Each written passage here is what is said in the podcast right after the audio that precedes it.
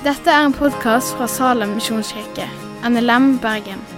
For mer informasjon om Salem, gå inn på salem.no.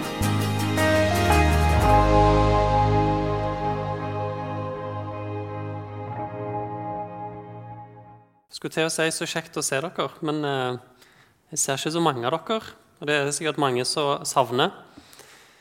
Eh, men nå er vi inne i adventstida. Ordet advent det betyr ankomst, og det står for Herrens ankomst, eller Frelserens ankomst. Og det er en tid der vi forbereder oss til jul, til vår Herre og Frelser skal komme.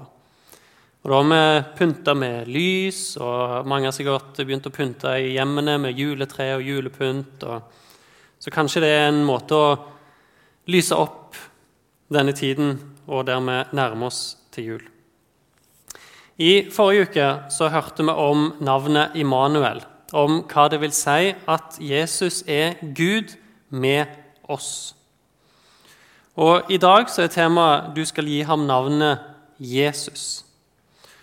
Og Jeg skal ta utgangspunkt i den samme teksten i Matteus, i kapittel 1. Og Vi kan kanskje begynne med å lese den, kapittel 1, altså vers 18-25. Med Jesu Kristi fødsel gikk det slik til.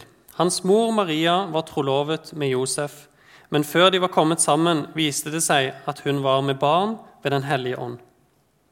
Josef, hennes mann, var rettferdig.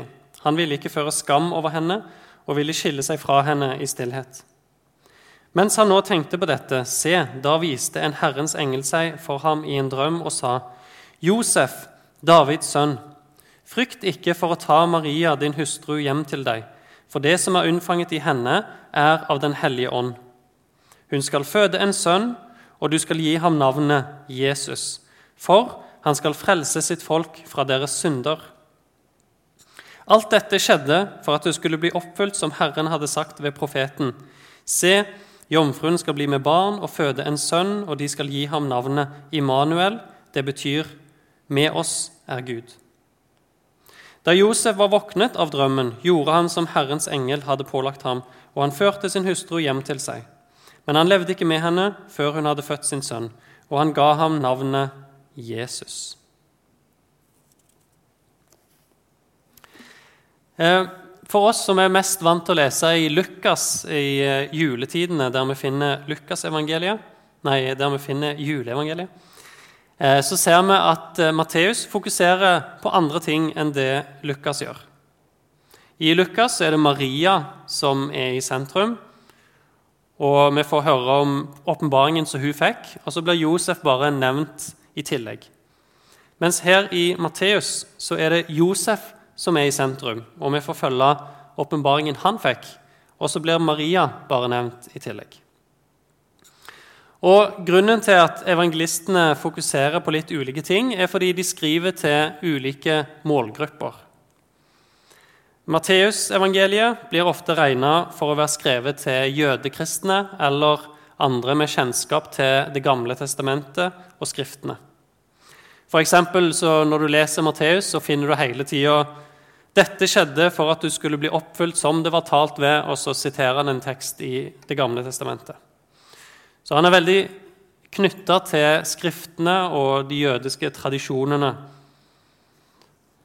Og Da forstår vi kanskje litt bedre hvorfor Matteus har det fokuset han har. Fordi han starter evangeliet sitt med en ettertavle. Og Ettertavlen den kommer rett før vår tekst. Han begynner i vers 1, og så avslutter han rett før teksten som jeg leste nå. Og Der trekker han linjen fra Abraham og til Josef, Jesu far. Og For de som leste dette og kjente historien om Abraham, så vil de med en gang se likheten mellom Josef og Abraham. Abraham fikk også et budskap fra Gud om at kona hans, Sara, skulle bli med barn, hun skulle føde en sønn, og de skulle gi ham navnet Isak. Og Begge disse damene, både Maria og Sara, skulle bli med barn på overnaturlig vis. Sara var for gammel til å bli gravid, og Maria hadde ikke vært med noen mann. Så når noen med kjennskap til Skriftene hørte denne historien om Josef og allerede har fått med seg ettertavlen, så vil de med en gang se likhetene der. Men det er ikke bare en likhet det handler om. Det er òg en oppfyllelse av et løfte som Abraham fikk. Og Vi kan lese dette løftet i 1. Mosebok, kapittel 17, og vers 19. Men Gud sa, sannelig, Sara, din hustru, skal føde deg en sønn, og du skal kalle ham Isak. Jeg vil opprette min pakt med ham, en evig pakt for hans ett etter ham. Og Gud oppfylte jo sitt løfte til Abraham der og da. Han fikk en sønn, og de ga navnet Isak. Men han ga òg et løfte om en evig pakt, om en ett fra Isak. Han gjentar det for Abraham en annen gang, at i Isak skal det nevnes deg en ett. Og Når vi leser første verset i Matteusevangeliet, så ser vi tydelig hva Matteus prøver å få fram med å kombinere den ettertavlen og historien med Josef. I kapittel 1 og vers 1 i Matteus skriver han ettertavle for Jesus, Messias, Davids sønn, Abrahams sønn. Så Matteus prøver å gjøre det veldig tydelig at denne sønnen som skal bli født, som skal få navnet Jesus, han er oppfyllelsen på løftet til Abraham. Han er ætten som skulle komme. Vi kan lese det enda tydeligere i Galaterne, kapittel 3, vers 16. Men løftene ble gitt til Abraham og hans ett han sier ikke 'og til dine etlinger' som om det gjaldt mange, men som når det gjelder én og din ett. Og dette er Kristus. Jesus er Kristus, Messias, den salvede. Kristus og Jesus er jo det samme, det ene er på hebraisk og det andre på gresk. Den salvede. Han er den ætten som ble lova, Abrahams sønn, den endelige oppfyllelsen. Så det er Matteus sitt fokus i begynnelsen av boka si. Og Vi vet jo at det var mange ulike forventninger til denne Messias, til Kristus. I evangeliene så leser vi at mange håpte på en politisk skikkelse, en som skulle gjøre dem til en stor nasjon igjen. Og Jesus han gjorde mye forskjellig. Han eh, underviste, han lærte folk, han helbreda, han gjorde under. Han forsvarte de svake, og han tok seg av de som var støtt ut. Og han avslørte hyklere, og han refsa de som undertrykte andre. Men det viktigste Jesus gjorde, selve hensikten med at han ble født og kom til jord og ble menneske, det ligger i navnet han fikk. Herren frelser. Det er det Jesus betyr. Og For at det ikke skulle være noen tvil om hva, hva form for frelse eller hva type frelse det var snakk om, så presiserer engelen for han skal frelse sitt folk fra deres synder. Så hensikten med Jesu fødsel, hele hans liv og selvfølgelig Jesu død og oppstandelse var at han skulle frelse oss fra våre synder. Og Dette med viktigheten av navn det er jo noe vi finner igjen i hele Bibelen. Betydningen er veldig viktig. Og Gud bruker ofte navn for å indikere hva plan han har for en person. Enten om det er ved å gi navnet før noen blir født, sånn som med Isak og Jesus, eller med døperen Johannes, eller ved å gi noen et nytt navn seinere i livet, ved en spesiell hendelse eller ved et nytt oppdrag, sånn som med Abraham, som før het Abraham. Og det nye navnet Abraham betyr far til en mengde folk, så det henger sammen med løftene og det nye som han skulle utrette. I vår tid er det ikke så vanlig lenger å tenke så mye på betydningen av navn og mange har kanskje navn uten noen betydning i det hele tatt.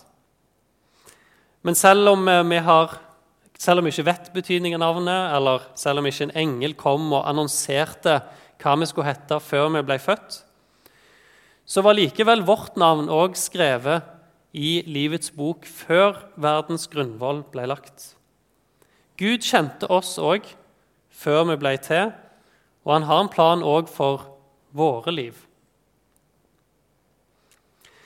Men Jesus-navnet det er ikke bare viktig pga. betydningen det har, men det har òg en eh, annen sammenheng tilbake i Det gamle testamentet. Vi finner igjen navnet i Det gamle testamentet. Jesus er den greske formen for Jeshua. Og i Det gamle testamentet blir Jeshua oversatt til Josva. Så Jesus og Josva er egentlig samme navn, og det har samme betydning. Herren frelser. Det er noen forskjellige Josva i Det gamle testamentet, men den klart tydeligste og mest kjente det er jo Josva som førte israelsfolket inn i det lovede land. Moses førte de ut av Egypt med landeplagene, gjennom Rødehavet, og ga de loven og de ti bud, og førte de gjennom ørkenen og fram til det lovede land, men han fikk ikke ta de inn i landet. Det var Josva som måtte ta over etter Moses, som førte de inn i landet. Og Josva, som Jesu navnebror, eller navnefar, om du vil, eh, han er et forbilde på Jesus på to måter. Sikkert flere, men det er iallfall to måter jeg vil trekke fram. Det første er med tanke på pakt. Eh, Gud opererer alltid innenfor en pakt. Og Det er kanskje mange pakter som går i parallell ofte. Men Moses han representerer jo det vi kaller den gamle pakt. Han innstifter pakten med israelsfolket, med renselsesbud, ofringer, tempeltjenesten, eller i tabernakelet først og fremst, og hele loven og alle disse reglene. Og Josva, som, tar, som er den som tar over etter Moses, kan vi tenke på Jesus som den som tar over pakten etter Moses. For han innstifter en ny pakt i sitt navn. Og Der oppfyller han alle disse renselsesbudene. Og han oppfyller òg ofringen én gang for alle ved at han gir seg sjøl på korset. Og Dermed så trenger vi ikke ofre på nytt hele veien, fordi Jesu offer var nok én gang for alle. Jeg kunne sagt mye mer om dette bildet, men jeg skal prøve å holde det kort. Men det er den ene med pakten. Jesus som får et navnet etter Josva, vil mange kanskje tenke oi, det er han som skal ta over etter Moses. Og Det andre bildet som Josva gir oss, det er på loven og evangeliet. Igjen, Moses representerer loven. Han kom med de ti bud. Og loven kunne føre dem på rett vei. Han kunne hjelpe dem på veien og kunne vise dem det lovede land. Men til syvende og sist så kunne ikke han føre dem inn i landet. Og På samme måte så er det for oss å komme inn i Guds rike ved å følge loven. Det er umulig. Den kan lede oss på vei, den kan rettlede oss, den kan hjelpe oss. Den kan føre oss fram og vise oss landet. Men våre egne gjerninger og vår egen adlydning av loven kan aldri føre oss inn i det lovede land. Til det trenger vi en Josva, Herrens frelse. Jesus, Abrahams sønn, Davids sønn, Guds sønn, vår frelser er den eneste som kan føre oss inn i landet til den evige hvilen. Navnet Jesus må jeg elske, det har satt min sjel i brann. Ved det navnet fant jeg frelse, intet annet frelse kan. Amen. Takk for at du har hørt på podkasten fra Salem, Bergen. I Salem vil vi vinne, bevare, utruste og sende, til Guds ære. Vi ønsker å se mennesker finne fellesskap, møte Jesus og bli disippelgjort her i Bergen og i resten av verden. Vil du vite mer om oss, gå inn på salem.no.